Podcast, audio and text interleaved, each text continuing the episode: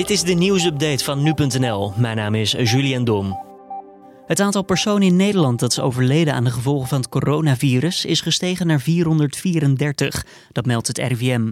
Het aantal bevestigde besmettingen is met ruim 1000 stuks opgelopen tot meer dan 7400.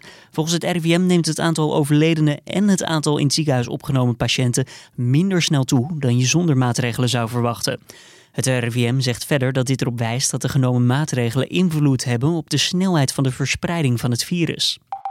Shahid B., de man die vorig jaar een agent bewusteloos sloeg bij een trouwstoet in Rotterdam, is voorlopig op vrije voeten gesteld. Zijn voorlopige hechtenis is donderdag geschorst vanwege de persoonlijke omstandigheden van de man. Dat schrijft onder meer RTV Rijnmond. Tijdens een eerdere zitting dit jaar bleek dat hij grote schulden heeft en in een traject voor begeleid wonen zit. Naar dit traject keert hij voorlopig terug in afwachting van de inhoudelijke behandeling van de zaak. Het Openbaar Ministerie vervolgt de man voor toebrengen van zwaar lichamelijk letsel. Ook wil justitie dat B alsnog een eerdere voorwaardelijke straf van 12 maanden cel uitzit, omdat hij vorig jaar met het geweldsdelict de voorwaarden heeft geschonden. De dolfijn die maandag opdook in de haven van Harlingen is woensdag gezien. Dat blijkt uit meerdere meldingen die naar aanleiding van berichtgeving van nu.nl zijn binnengekomen bij SOS Dolfijn.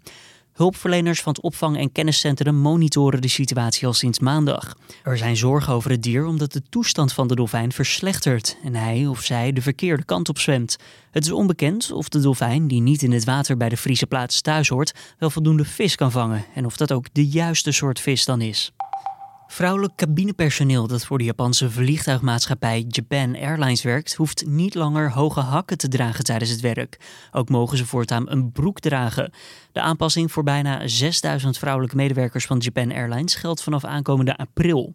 De wijziging in het beleid volgt op de feministische campagne Kutu, die vorig jaar veel aandacht kreeg in Japan. De naam Kutu verwijst naar de Japanse woorden voor schoen en pijn en de internationale MeToo-beweging.